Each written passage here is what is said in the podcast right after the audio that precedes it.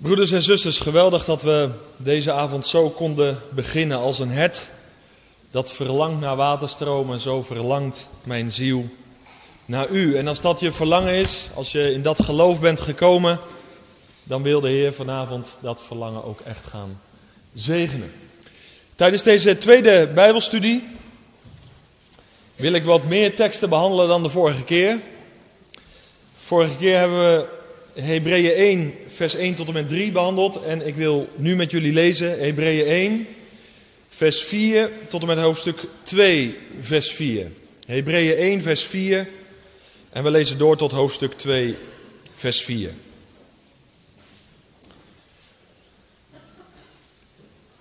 In Hebreeën 1, het vierde vers, staat het volgende.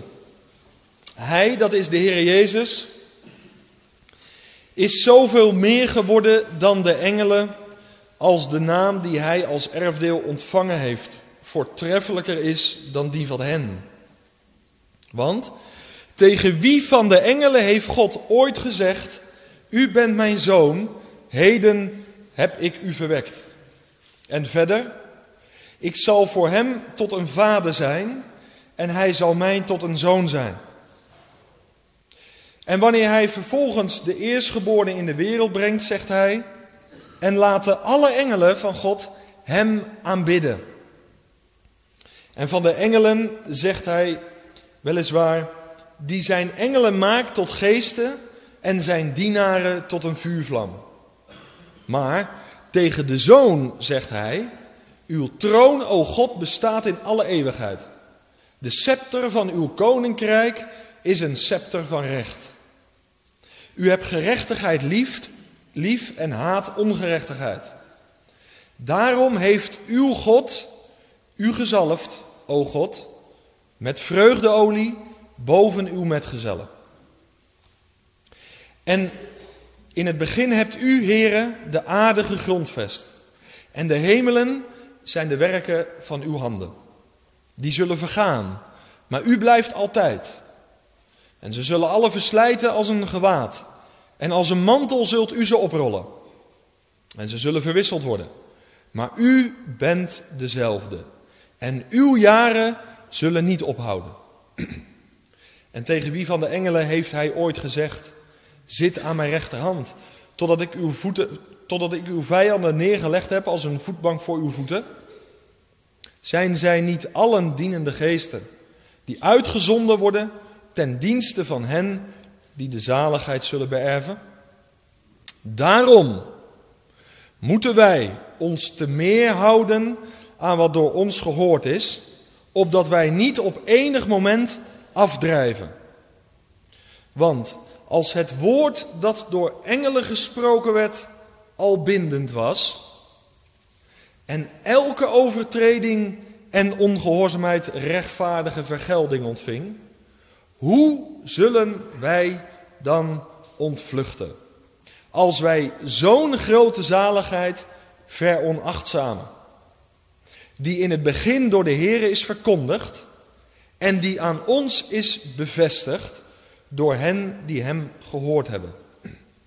God heeft er bovendien mede getuigenis aangegeven door tekenen en wonderen en allerlei krachten en gaven van de Heilige Geest, overeenkomstig zijn wil. Tot zover.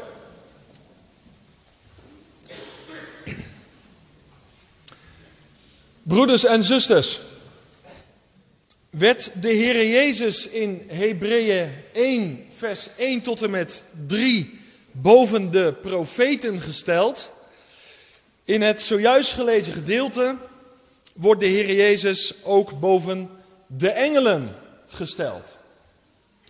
En dat is waar het vanavond over gaat. En dat wil ik ook boven de boodschap zetten. Christus verheven boven de engelen. En dat is heel bijzonder, zeker in de context dat deze brief geschreven is aan een Joodse geloofsgemeenschap. Het is belangrijk dat we vanavond dan eerst iets zeggen. Wat zijn nou precies engelen? En daar zou ik heel veel over kunnen zeggen. Ik moet me beperken, maar een aantal opmerkingen over wat engelen zijn. In de allereerste plaats zijn engelen door de Heere God geschapen. En dat wil dit zeggen, zij waren er niet van eeuwigheid. Zij zijn door God geschapen. Zij zijn schepselen. En dat is belangrijk om vast te stellen. Dat kan je onder andere lezen in Nehemia 9, maar ook in Psalm 148. Engelen, ze zijn uit Gods hand voortgekomen.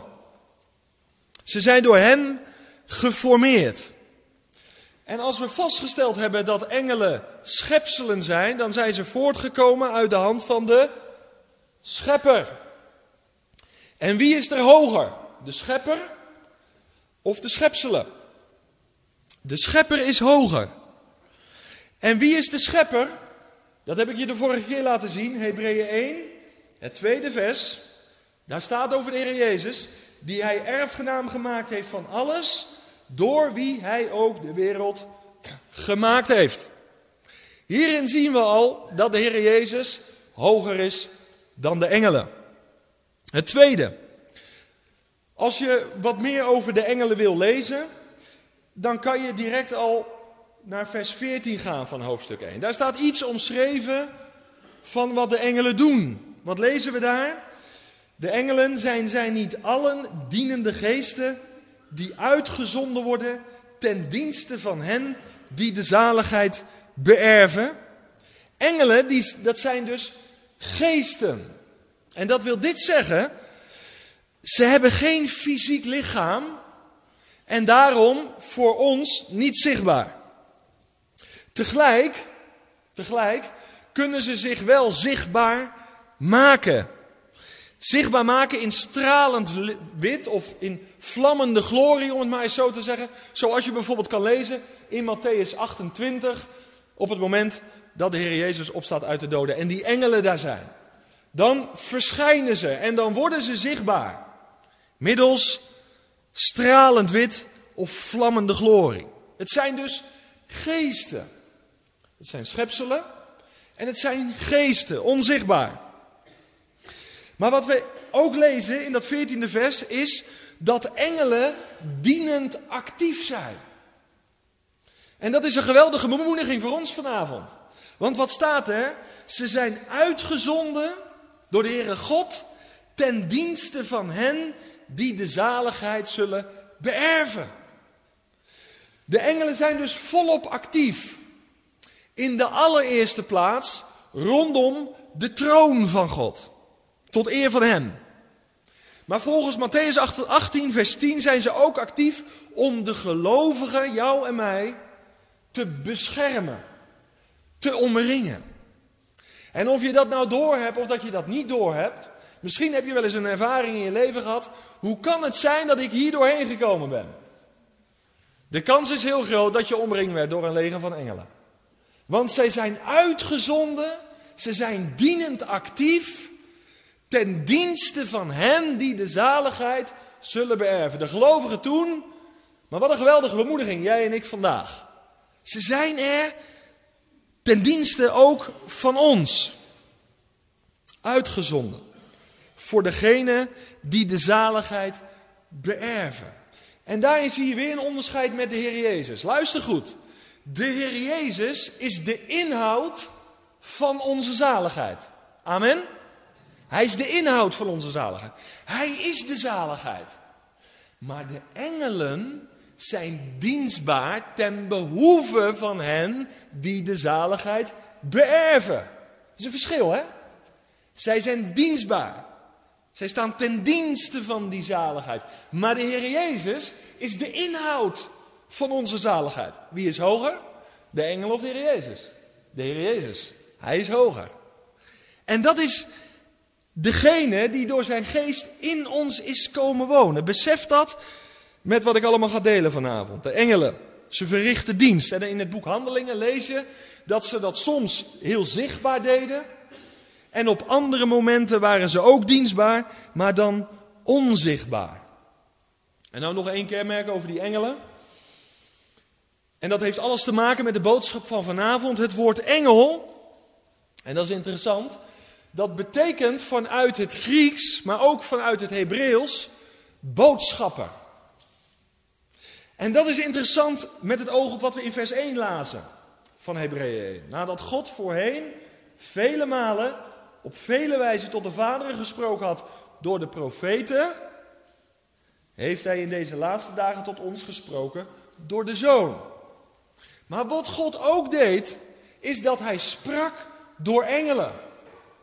Engelen, dat zijn boodschappers van God. De letterlijke betekenis van engel is boodschapper.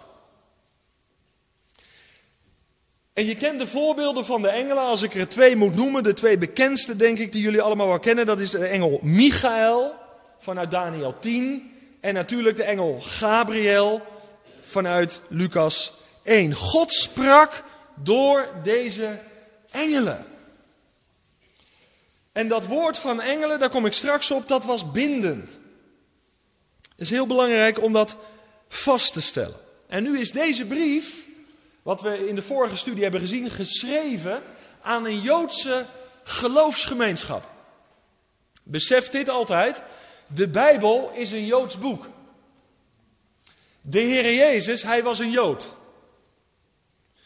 En ook de profeten, dat waren mannen van God, Joodse mannen. En daarom is het niet verwonderlijk dat de profeten hoog aangeschreven stonden bij de Joodse geloofsgemeenschap, toch? Zij waren uit hen voortgekomen. En de Torah was aan het volk van God gegeven. De profeten stonden hoog aangeschreven. Maar waarom legt de Hebreeën schrijver dan zo een accent op de engelen in deze brief? Waarom wordt in de brief aan die Joodse geloofsgemeenschap niet alleen de profeten benadrukt, maar waarom ligt het accent vanavond ook op de engelen? Nou, blader even met mij mee naar Handelingen hoofdstuk 7, want dan zal ik je het laten zien. Handelingen hoofdstuk 7.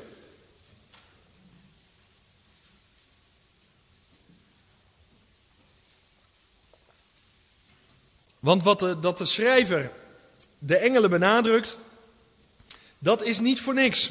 Dat heeft een reden, een hele belangrijke. Wat lezen we in Handelingen 7? Het 37e vers, het volgende. Daar wordt een van de grootste profeten uit Israël genoemd in vers 37. Dit is de Mozes die tegen de Israëlieten gezegd heeft: De Heere uw God zal voor u een profeet laten opstaan uit uw broeders, zoals ik. Naar hem moet u luisteren. Mozes was een profeet, maar hier wordt al gesproken over de Heer Jezus, die zou komen in de volheid van de tijd. Naar hem moet u luisteren. Vandaag spreekt God door de Zoon. En dan het volgende vers. Hij is het die in de woestijn tijdens de samenkomst van het volk bij de engel was, die tot hem sprak op de berg Sinaï en bij onze vaderen. En hij was het die de levende woorden ontving om die aan ons door te geven. En dan vers 53. En dan begrijp je het helemaal waarom het accent gelegd wordt op de engelen in de Hebreeënbrief. U die de wet ontvangen hebt door de dienst van engelen, heb die niet in acht genomen. Hé, hey, nou wordt het duidelijk. De Hebreeënbrief is gericht aan een Joodse geloofsgemeenschap. En God heeft zijn wet via de engelen, via Mozes, aan het volk gegeven. De engelen hielpen bij het bekendmaken van de wet aan Mozes. Engelen zijn dus de boodschappers van God. En dat is heel belangrijk om goed te beseffen. De profeten waren dus voor het volk van God belangrijk, maar ook de engelen. Want zij waren een middel in de hand van God dat de wet van God, dat het wilsbesluit van God, dat het hart van God bekend werd gemaakt aan zijn volk. Dus God heeft niet alleen door de profeten tot zijn volk gesproken, maar ook de engelen waren een middel in de hand van de eeuwige om zijn volk bekend te maken met zijn wet. En dat gezegd hebbende, zegt de Hebreeën schrijver dat de Heer Jezus hoger is dan de engelen. Die Joodse geloofsgemeenschap die liep het gevaar om meer waarde te hechten, te hechten aan de woorden van de profeten. En ze liepen nog een gevaar, en dat was om meer te luisteren naar de woorden door de engelen destijds gesproken. Dus de Hebreeën schrijver, die weet precies waar de gevaren liggen voor die Hebreeërs. Dat is duidelijk, denk ik. En nu komt hij tot bewijsmateriaal. En misschien zeg je vanuit Hebreeën 1, want we bladeren even terug. Vanuit Hebreeën 1, het vierde en het veertiende vers, ben ik nog niet echt overtuigd, zegt iemand misschien, dat de Heer Jezus hoger is dan de engelen. Misschien zit er hier iemand die die gedachte koestert. Daar ga ik je van verlossen. Want wat er nu gaat gebeuren, dat is zo indrukwekkend. Want in vers 5 tot en met vers 13 gaat de schrijver een aantal bewijzen naar voren brengen. Een aantal citaten, luister goed, uit het Eerste Testament. Waarmee hij gaat bewijzen dat de Heer Jezus hoger is. Niet alleen dan de profeten, maar ook dan de engelen. En daar gaan we stap voor stap doorheen. Heel indrukwekkend. Maar eerst nog even wat over vers 4. Hoe heerlijk en indrukwekkend het spreken van de profeten ook was. Christus Jezus, zijn spreken is verhevener. Hoe heerlijk en hoe indrukwekkend het optreden van de engelen ook geweest is. Christus Jezus is verheven boven de engelen. En wat lezen we dan in vers 4 van Hebreeën 1? Hij is zoveel meer geworden dan de engelen als de naam die hij als erfdeel ontvangen heeft, voortreffelijker dan die van hen. Hier staat het woordje meer. Hij is zoveel meer geworden. Dat is de vertaling van de herziene statenvertaling. De gewone, de ouderwetse, zou ik maar even zeggen, statenvertaling gebruikt het woord voortreffelijker. Hij is niet alleen meer geworden, hij is voortreffelijker geworden. En de MBG, die schrijft, hij is machtiger geworden. Samengevat, de Heer Jezus, hij is beter en hoger dan de engelen in macht en in waardering. En hij heeft een naam gekregen boven alle naam. Denk even aan zijn hemelvaart. Wat is dat geweest? Toen de Heer Jezus terugkwam bij zijn vader in de heerlijkheid. En toen die daar werd welkom geheten door duizenden en nog eens tienduizenden engelen. De zoon was terug op de plek daar waar hij thuis hoorde. Dicht bij het vaderhart van God. Dat is natuurlijk voor ons een mysterie, die menswording. Maar de Heer Jezus kwam terug in de heerlijkheid. Hij is beter en hoger dan de engelen in macht en waardigheid. En nu moet je even goed opletten. We maken even een stapje naar hoofdstuk 2. Want wat staat daar in vers 9? En dat is heel belangrijk om te lezen. Er staat in Hebreeën 2 vers 9... Maar wij zien Jezus met heerlijkheid en eer gekroond. En nou komt hij. Die voor een korte tijd minder dan de engelen geworden was. Hé hey Jacques, je zei toch net dat Christus hoger dan de engel is? Ja, dan moet je even verder lezen. Want als je verder leest, staat de reden waarom de Heer Jezus een korte tijd minder is geworden. Want wat staat er dan? Vanwege het lijden van de dood, opdat hij door de genade van God voor allen de dood zou proeven. Die korte tijd dat hij minder is geworden, heeft alles te maken met zijn komen naar deze wereld en met het werk wat hij moest verrichten om de kloof tussen God en mensheid te overbruggen. Hier zien wij, de Heer, hier zien wij dus de Heer Jezus als mens. Hier zien wij God in zijn menswording. Een korte tijd minder. Een korte tijd. Een streep onder kort. Want uiteindelijk is hij verhoogd en heeft een naam gekregen die uitgaat boven alle naam. En vers 4 leert ook dat de naam van Jezus, en dat is een beetje een moeilijk stukje, moet je even goed luisteren, dat de naam van Jezus voortreffelijker is dan die van de engelen. Daar wordt gesproken over een erfdeel. Waar wordt er nog meer over die terminologie gesproken? Nou, in vers 2 vinden we het woord erfgenaam. In vers 2 erfgenaam en in vers 4 erfdeel. Dat wil dit zeggen. Dat erfdeel is de naam van zoon. En deze zoon is erfgenaam geworden van alle dingen. En dat wil zeggen dat God alle dingen onder heerschappij van de zoon gaat brengen. En het woordje heerschappij heeft alles te maken met de naam Curios, Heer, Koning. En daarin is de Heer Jezus dus voortreffelijker. Hij is Heer, Hij is Koning. En ik heb net gezegd, de engelen zijn dienstknechten.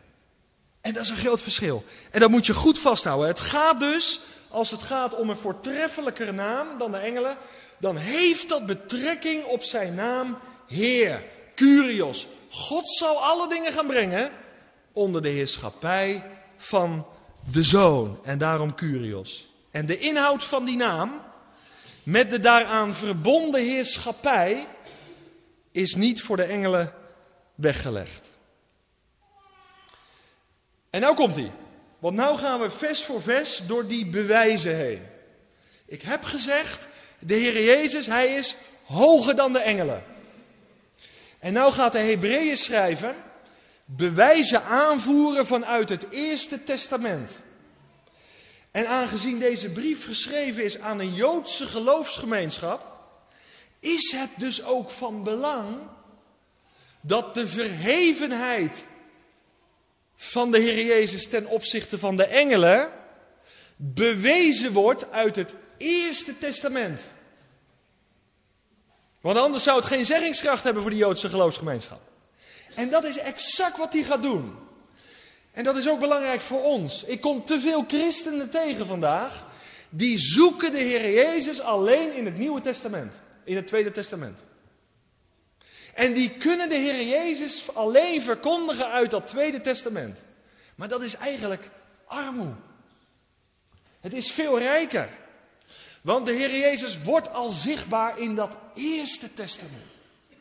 En daarom is het ook zo van belang dat als je met Joodse mensen spreekt, dat je niet de Heer Jezus verkondigt vanuit het Tweede Testament, maar dat je hen probeert te bereiken en de Messias aantoont laat zien, bewijst vanuit dat Eerste Testament. Want dat ervaarden ze als het geïnspireerde woord van God, om het even zo te zeggen. Nou, en die Hebreeën schrijver, die heeft het precies door. Want hij zegt, oké, jullie luisterden voorheen naar de profeten. En engelen hebben tot jullie gesproken. Maar ik verkondig je de Messias, die hoger is dan de profeten. En die hoger is dan de engelen. En die vandaag het woord voert en het laatste woord heeft. En hij zegt, nou zal ik je, gaan, nou zal ik je hem gaan tonen vanuit dat Eerste Testament. En daar kunnen wij dus wat van leren. Er was een oude broeder waar ik veel bijbelstudie van heb gehad en die zei altijd, probeer de Heer Jezus te vinden op elke bladzijde van de Bijbel. Zoek naar hem, speur naar hem en je zal hem al in het eerste, in het Oude Testament tegenkomen. En daarom ben ik ook niet zo voorstander van de term Oude Testament, maar spreek ik liever over het Eerste. Want oud heeft altijd iets te maken, ja, dat is oud, dat is verouderd, dat is verleden tijd. Maar het is juist interessant. En het is juist zo opbouwend voor je eigen geloofsleven om de Heer Jezus te ontdekken in dat Eerste, in dat Oude Testament. En des te rijker wordt het tweede. En dan ga je de Hebreeënbrief ook meer begrijpen. En dan zie je ook het geweldige voorrecht dat wij leven onder een nieuw verbond. Wat veel rijker is, veel hoger is, veel krachtiger is dan dat eerste, dan dat oude verbond bedoel ik. Nou, we beginnen. Je moet je Bijbel erbij houden, want het is vrij veel. Vers 5. Daar komt het eerste bewijsstuk. Dat de Heer Jezus hoger is als de engelen. Wat staat er in vers 5? Want tegen wie van de engelen heeft God ooit gezegd: U bent mijn zoon, heden heb ik u verwekt. En verder, ik zal voor hem tot een vader zijn en hij zal mij tot een zoon zijn. En als we deze bewijsteksten door gaan nemen, dan moet ik een beetje de rust erin houden. Want ik word er steeds enthousiaster van als je dat gaat ontdekken. Dat is zo mooi dit. Vers 5 is een letterlijk citaat vanuit Psalm 2, het zevende vers. Althans het eerste gedeelte van vers 5. God de Vader, luister goed, heeft de reeds bestaande zoon verwekt in het vlees. Zie, een maagd zal zwanger worden. Bestond de zoon nog niet voordat hij werd geboren? Jazeker wel. Maar hij is mens geworden. Hij heeft vlees en bloed aangenomen. En dat op een meest bijzondere manier. Een maagd zal zwanger worden. Daar is geen man aan te pas gekomen. De Heilige Geest zal over u komen. En Maria werd zwanger. En vervolgens getuigde de vader van die geboren zoon. Deze is mijn geliefde, Lucas 9, vers 35. Deze is mijn geliefde zoon, hoort hem. Er is dus, en dat is belangrijk ten opzichte van de engelen, een intieme relatie tussen vader en tussen zoon. En dat is iets wat van de engelen niet gezegd kan worden. Die intieme relatie, zoals die er is tussen vader en zoon, en dat wil vers 5 ook zeggen, die is er niet tussen de engelen en God de Vader. Die intimiteit is er tussen vader en zoon. En dat heeft hij tegen de engelen niet gezegd. Het tweede deel van deze tekst, dat is een citaat uit 2 Samuel 7 en 1 Kronieken 17. En dat gaat over David. Nou, daar zou ik daar een avond over kunnen spreken, want uit de lijn, de geslachtslijn van David, komt uiteindelijk de Messias. En wat staat hier? Ik zal voor hem tot een vader zijn en hij zal voor mij tot een zoon zijn. Het gaat hier in die gedeelten, waar het uit geciteerd is, over de belofte gedaan aan David met betrekking tot zijn zoon. Welke zoon? Salomo. En Salomo was een type van Christus. Hij was degene die de tempel mocht bouwen. Hij was degene die vrede wacht. Hij was de vredevorst. Hij is een type van de Heer Jezus. En uiteindelijk zie je hierin al een heenwijzing, een schaduw van de grote zoon van David. En hier krijg je al een vergezicht dat God de Vader zijn zoon zal gaan gebruiken om te gaan regeren in het Messiaanse vrederijk wat gaat komen.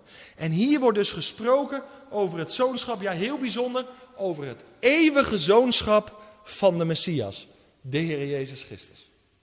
En dat alles wordt niet gezegd van de engelen. Wie is er meer? De Heer Jezus of de engelen? De Heer Jezus is meer. Hij is hoger. Hij is verhevener. De profeten profeteerden van de Messias en van zijn toekomstig vrederijk.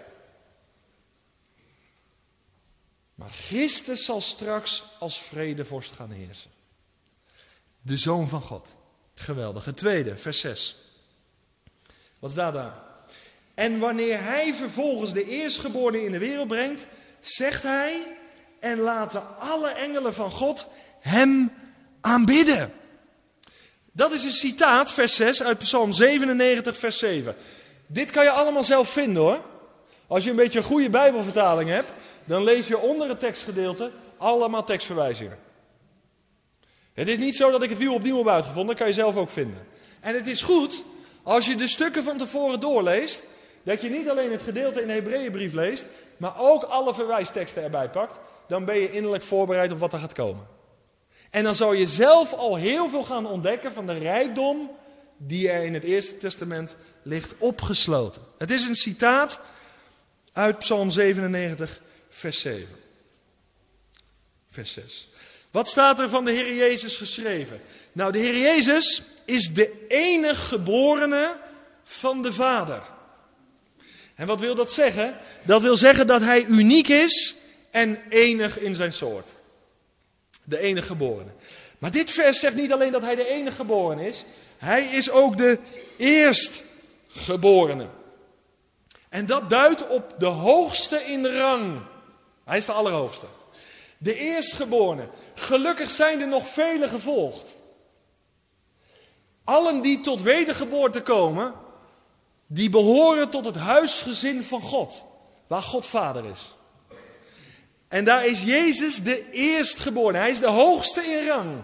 Maar ik behoor tot dezelfde familie als hij. Amen.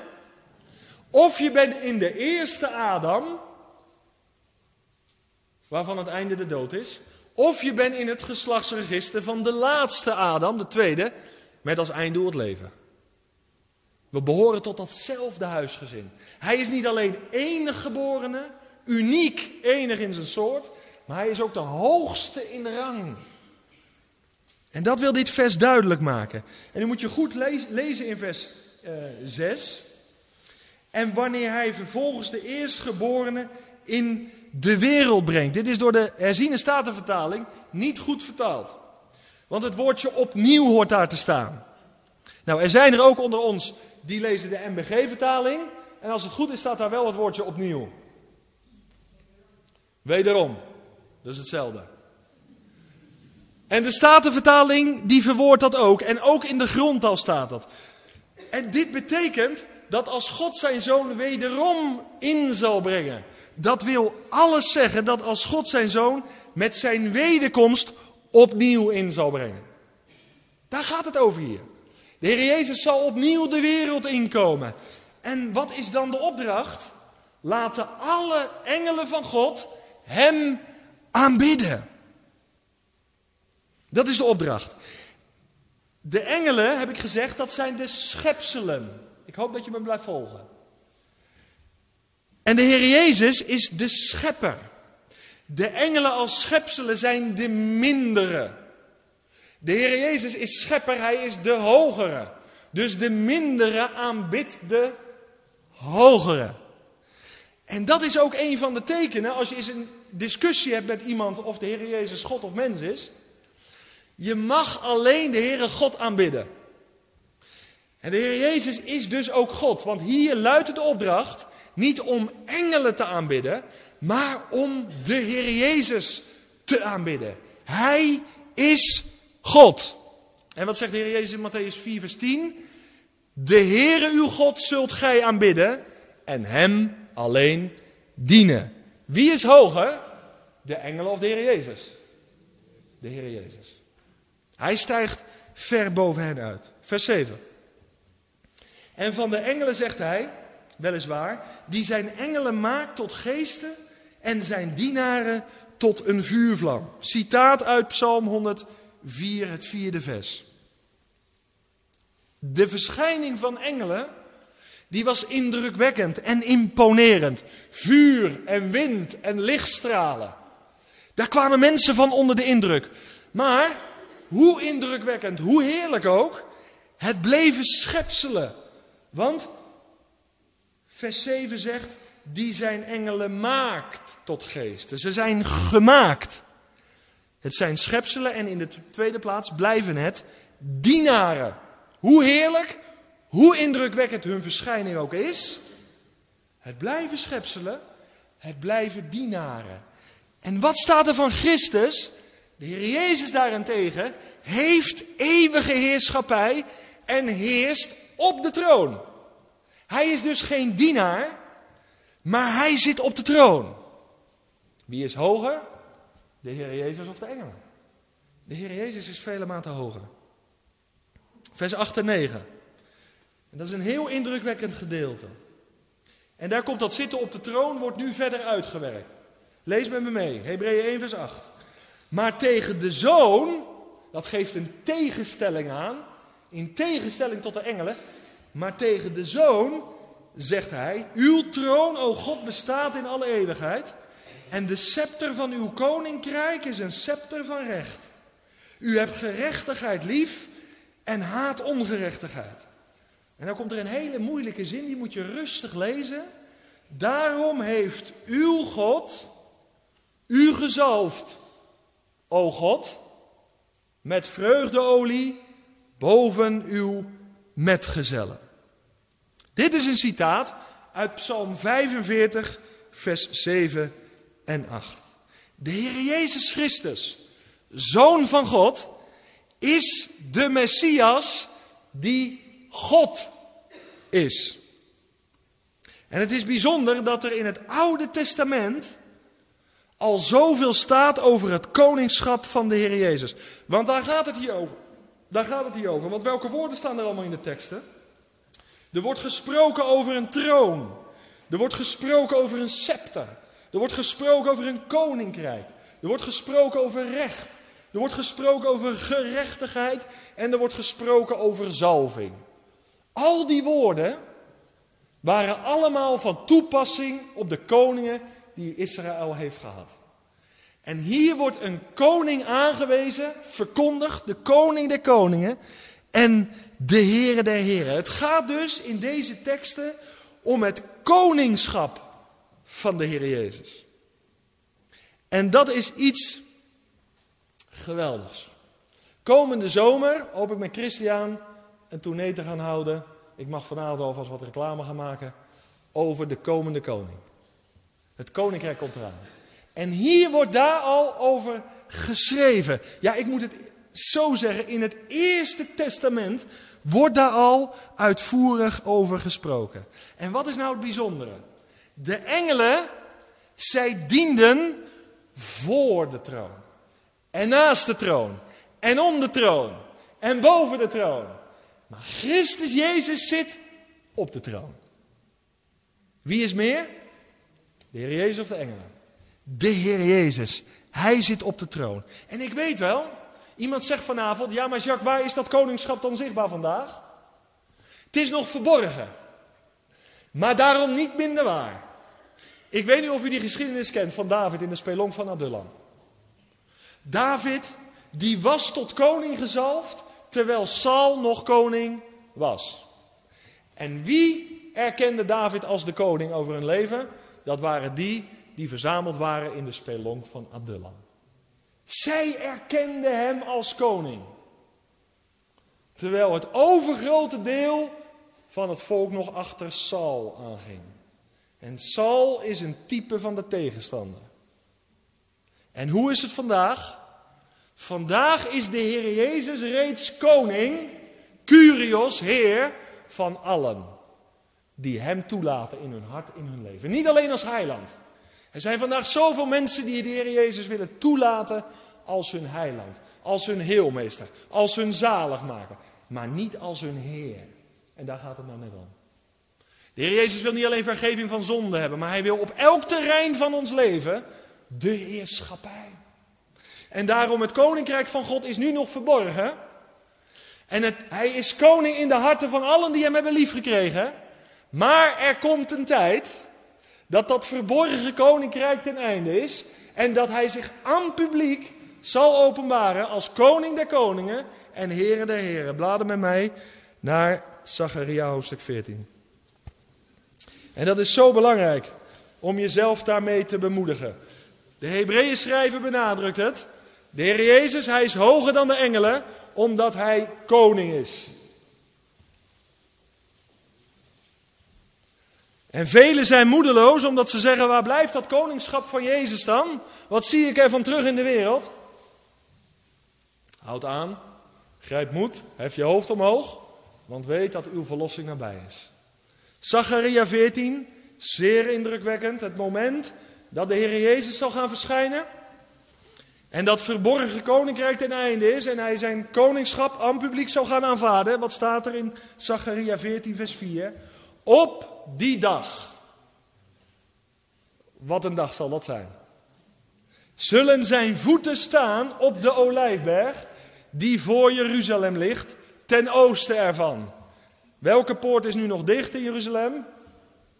Dat is de Oostpoort. Maar daar zal hij door binnentreden. Vanaf de Olijfberg loop je zo naar beneden, Jeruzalem binnen. Op die dag zullen zijn voeten staan op de Olijfberg. Die voor Jeruzalem ligt, ten oosten ervan. En dan vers 9. De Heere zal koning worden over heel de aarde. En op die dag zal de Heere de enige zijn en zijn naam de enige. Is dat indrukwekkend of indrukwekkend? Prachtig. En wat staat er dan? Dat vind ik zo mooi, vers 11, het laatste gedeelte. En Jeruzalem zal onbezorgd wonen. Hier gaat het naartoe. Heb je daar geloof voor? Heb je daar verwachting voor? Misschien zeg je, ik zie er nog niet zoveel van. Maar dat wil niet zeggen dat het minder waar is. Deze hoop doet al ons leed verzachten. De koning komt. Zijn koningschap is een koningschap wat zichtbaar gaat worden. We gaan terug naar de Hebreeënbrief. En we zijn inmiddels aangekomen bij vers 10 tot en met vers 12. Wat lezen we daar? En in het begin hebt u, heren, de aarde gegrondvest en de hemelen zijn de werken van uw handen. Die zullen vergaan, maar u blijft altijd. En ze zullen alle verslijten als een gewaad en als een mantel zult u ze oprollen en ze zullen verwisseld worden. Maar u bent dezelfde en uw jaren zullen niet ophouden. Wat een bemoediging, hè? God is altijd dezelfde. Here, ik ben die ik ben. De eeuwige. Dat is de God die wij mogen dienen. Dat is de God die wij in Christus Jezus onze Vader mogen noemen. En door de geest van God die in ons is komen wonen, zeggen wij Abba, Vader. Een geweldig tekstgedeelte. En het is een citaat uit Psalm 102, vers 26 en vers 28. Onderstreep die verwijsteksten onderaan in je Bijbel. De Messias, de Heer Jezus. Ik heb je laten zien dat hij de schepper is. Hebreeën 1, het tweede vers. Maar hij is ook onze herschepper. En die twee beide dingen, die twee beide uh, taken, verantwoordelijkheden, dat wat de Heer Jezus is, schepper en herschepper, dat kan je niet zeggen van de engelen. En daarom is de Heer Jezus ook wat betreft de schepping en zijn scheppingsdaden uniek, ongeëvenaard en overstijgt hij de engelen. En het is zo bijzonder. De schepping zelf die zal veranderen. Openbaring 20, openbaring 21. Maar Christus, de schepper, is de eeuwige en onveranderlijke. En dat vind ik voor mezelf altijd zo een bemoediging. Wij zingen thuis elke ochtend als gezin. Groot is uw trouw, o Heer. Iedere morgen aan ons weer betoond. Dat zingen wij elke dag. En soms zing je het zo dat je het niet bewust bent wat je zingt. En in één keer kan die gewoon weer binnenkomen. En dan denk ik, ja, deze God mag ik dienen. Een God die trouw is. Een God die onveranderlijk is. Een God die mij in Christus Jezus een fundament heeft gegeven waar ik echt op kan bouwen. Hij die niet beschaamt degene die op hem hopen. Hoe komt dat? Hij is de onveranderlijke. Hij doet wat hij zegt. Hij vervult wat hij belooft. Dat is de God die wij mogen dienen. Dat is de schepper. Dat is de herschepper. Alles in deze wereld verandert. Heel de schepping verandert. Maar de schepper zelf met wie wij leven verandert niet. Hij is de eeuwige. Hij is de onveranderlijke. En het hele volk zegt: Amen. Dat is zo bijzonder. In Christus Jezus zijn alle beloften ja en amen. Vast en zeker. En dat komt omdat hij de onveranderlijke is. Kijk, mensen kunnen wel eens wat beloven.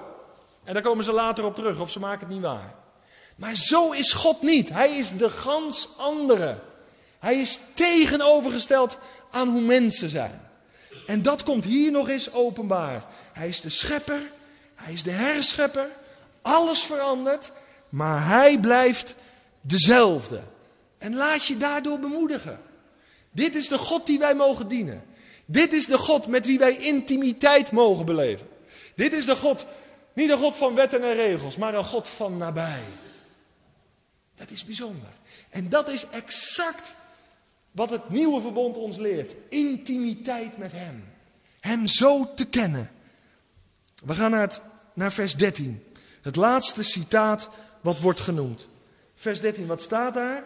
En tegen wie van de engelen heeft hij ooit gezegd: Zit aan mijn rechterhand, totdat ik uw vijanden neergelegd heb, als een voetbank voor uw voeten. Het is een citaat uit Psalm 110, het eerste vers. En dat is zo mooi. De Heer Jezus, die de weg van vernedering is gegaan, van lijden, van sterven, van de kruisdood. Hij heeft een ereplaats gekregen. We hebben al gezien, hij heeft een naam gekregen boven alle naam. Maar hij heeft ook een ereplaats gekregen. Christus de triomfator. En de ereplaats is de rechterhand van de Vader. Aan de rechterhand van de vader, vader is hij gezeten. Die plaats, die ereplaats, is er niet voor de dienstknechten, de engelen. Maar de ereplaats is er voor de Zoon. Wie is er hoger? De Heer Jezus of de engelen? De Heer Jezus. Hoe heerlijk en indrukwekkend die engelen ook zijn. Hij heeft de ereplaats gekregen. Hij kreeg de plaats die hem toekomt. En weet je wat nou zo geweldig is? Levend onder een nieuw verbond. Geldt voor allen die de Heer Jezus hebben aangenomen. Dat zij met Christus gezet zijn in de hemelse gewesten, boven elke macht en elke kracht en elke heerschappij. Zijn wij gelukkige mensen of niet? Zijn wij rijk gezegende mensen of niet? En dat is nou zo geweldig. Onze Heer en Heiland heeft die rijkdom en die heerlijkheid niet voor zichzelf gehouden. Maar Hij laat ons daarin delen. Pure genade. Niet verdiend, toch gekregen. Prijs de Heer. Prijs Hem daarvoor. Dat is zo geweldig groot.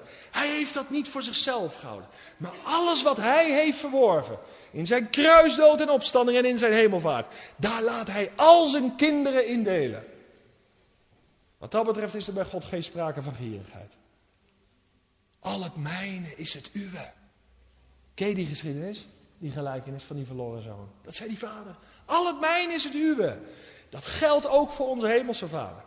Wat hij in de zoon verworven heeft, daar laat hij jou en mij in delen. Moet ik daar hele aparte toestanden voor uithalen? Moet ik daarvoor mijn handen op laten leggen?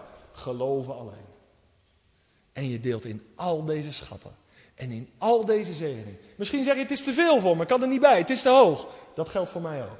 Maar stukje bij beetje mag ik het uitpakken.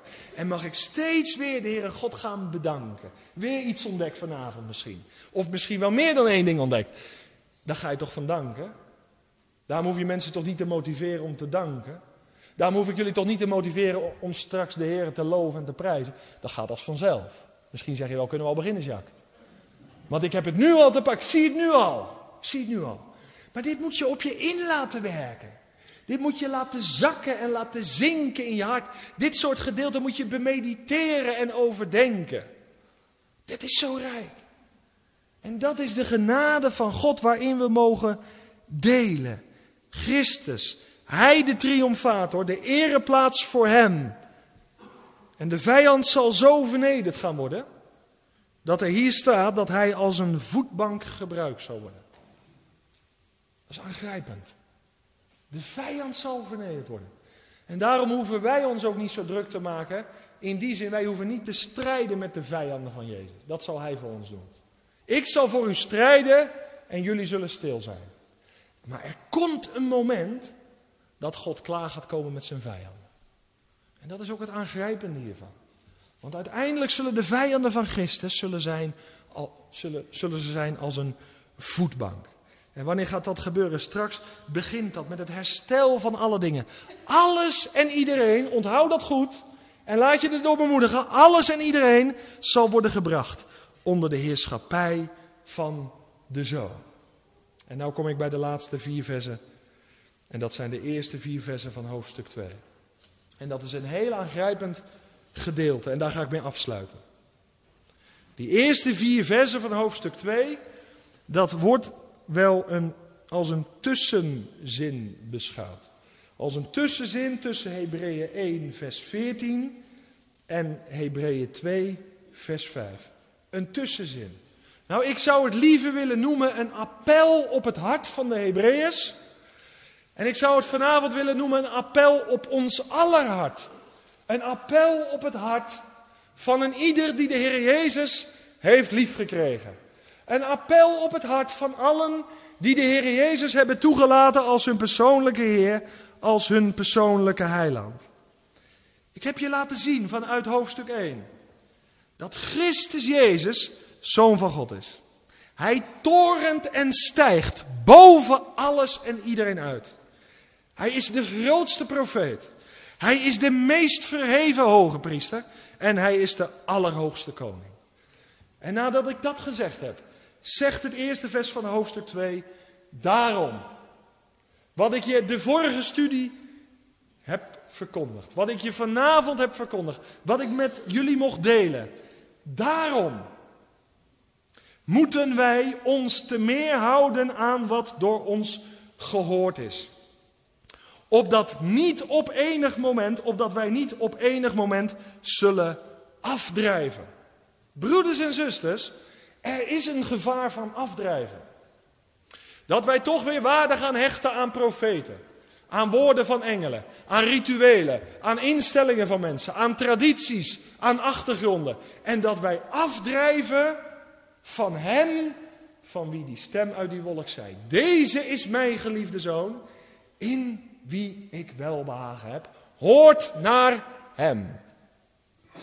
En voor die Joodse geloofsgemeenschap lag er gevaar om weer te komen onder de rituelen van vroeger. Onder de heerschappij van de dingen waar ze van losgekomen waren. En dat gevaar geldt voor ons ook. En er zijn er ook hier. Mensen die zich door mensen laten leiden. Mensen die zich door mensen laten binden. Mensen die uitspraken van predikanten, voorgangers en, en, en leerstellingen van gemeenten en allerhande formuleren op een hoger level stellen dan het woord van God.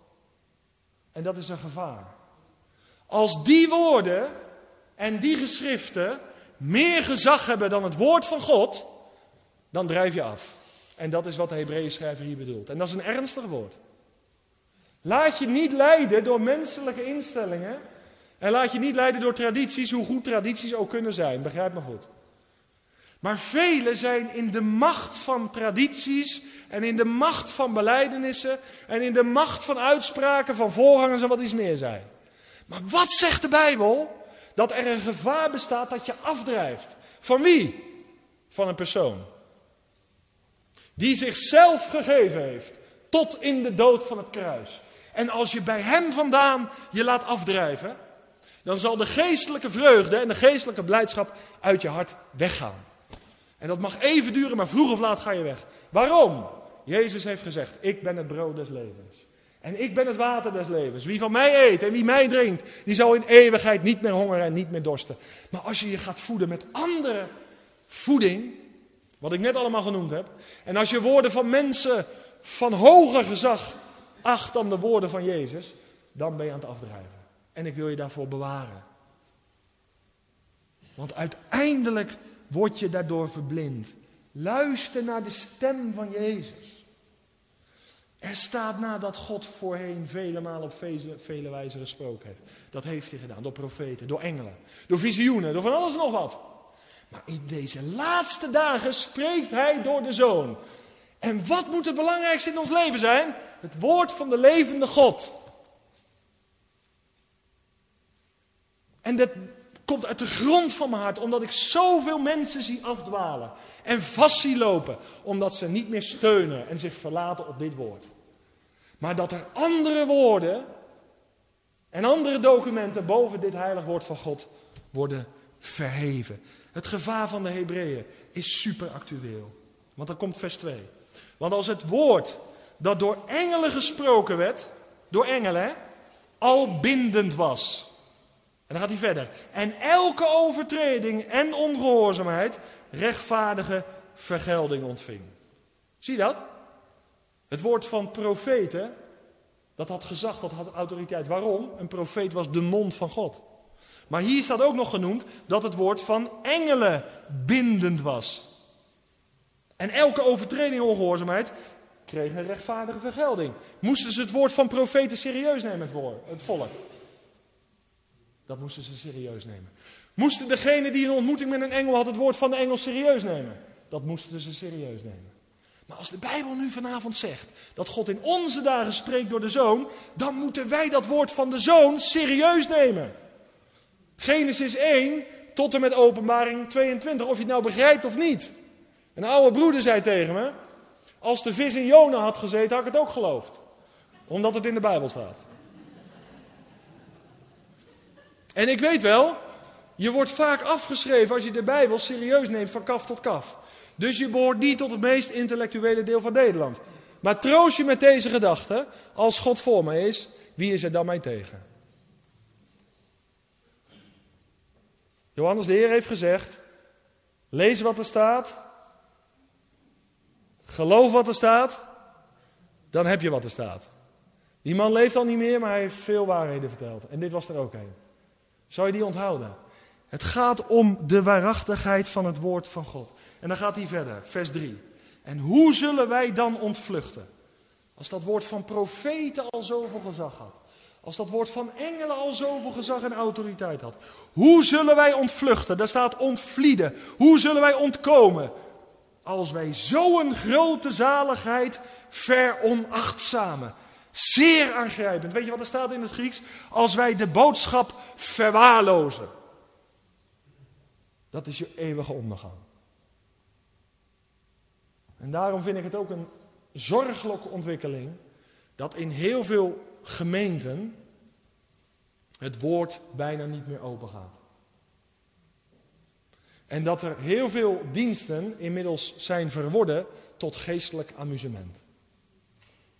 Terwijl ik geloof dat het geloof is uit het gehoor en het gehoor door het gepredikte woord van God.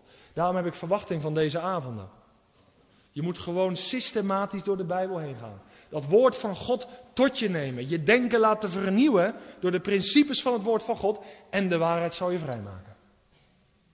Maar wat als we dit, ver, als we dit uh, veronachtzamen? Als we de boodschap verwaarlozen? En daar voegt de schrijver nog iets aan toe. Die in het begin door de Heer is verkondigd. Vers 3. Dat wil zeggen, het is door de Heer gesproken. En die aan ons is bevestigd, dat wil zeggen op betrouwbare wijze overgeleverd, door hen die hem gehoord hebben. Dat is de boodschap van het evangelie, de boodschap van heil. In dit geval heeft dat ook te maken met de komst van het vrederijk. Maar ik geloof dat we hierin ook mogen lezen de redding wat betreft de eeuwigheid. Als je op die zaligheid geen acht geeft. En dan alsof het nog niet genoeg was, het gesproken woord van God moet genoeg zijn. Maar alsof het nog niet genoeg was, wordt er in vers 4 nog wat aan toegevoegd. God heeft er bovendien, als extra, medegetuigenis van gegeven. Dat wil zeggen betuigd, bevestigd. Medegetuigenis aangegeven door tekenen, door wonderen en allerlei krachten en gaven van de Heilige Geest overeenkomstig zijn wil. Heel aangrijpend. Het woord is vlees geworden. Dat is aan ons allen verkondigd. En ik hoop dat er niemand hier is. Niemand. Ga anders niet naar huis.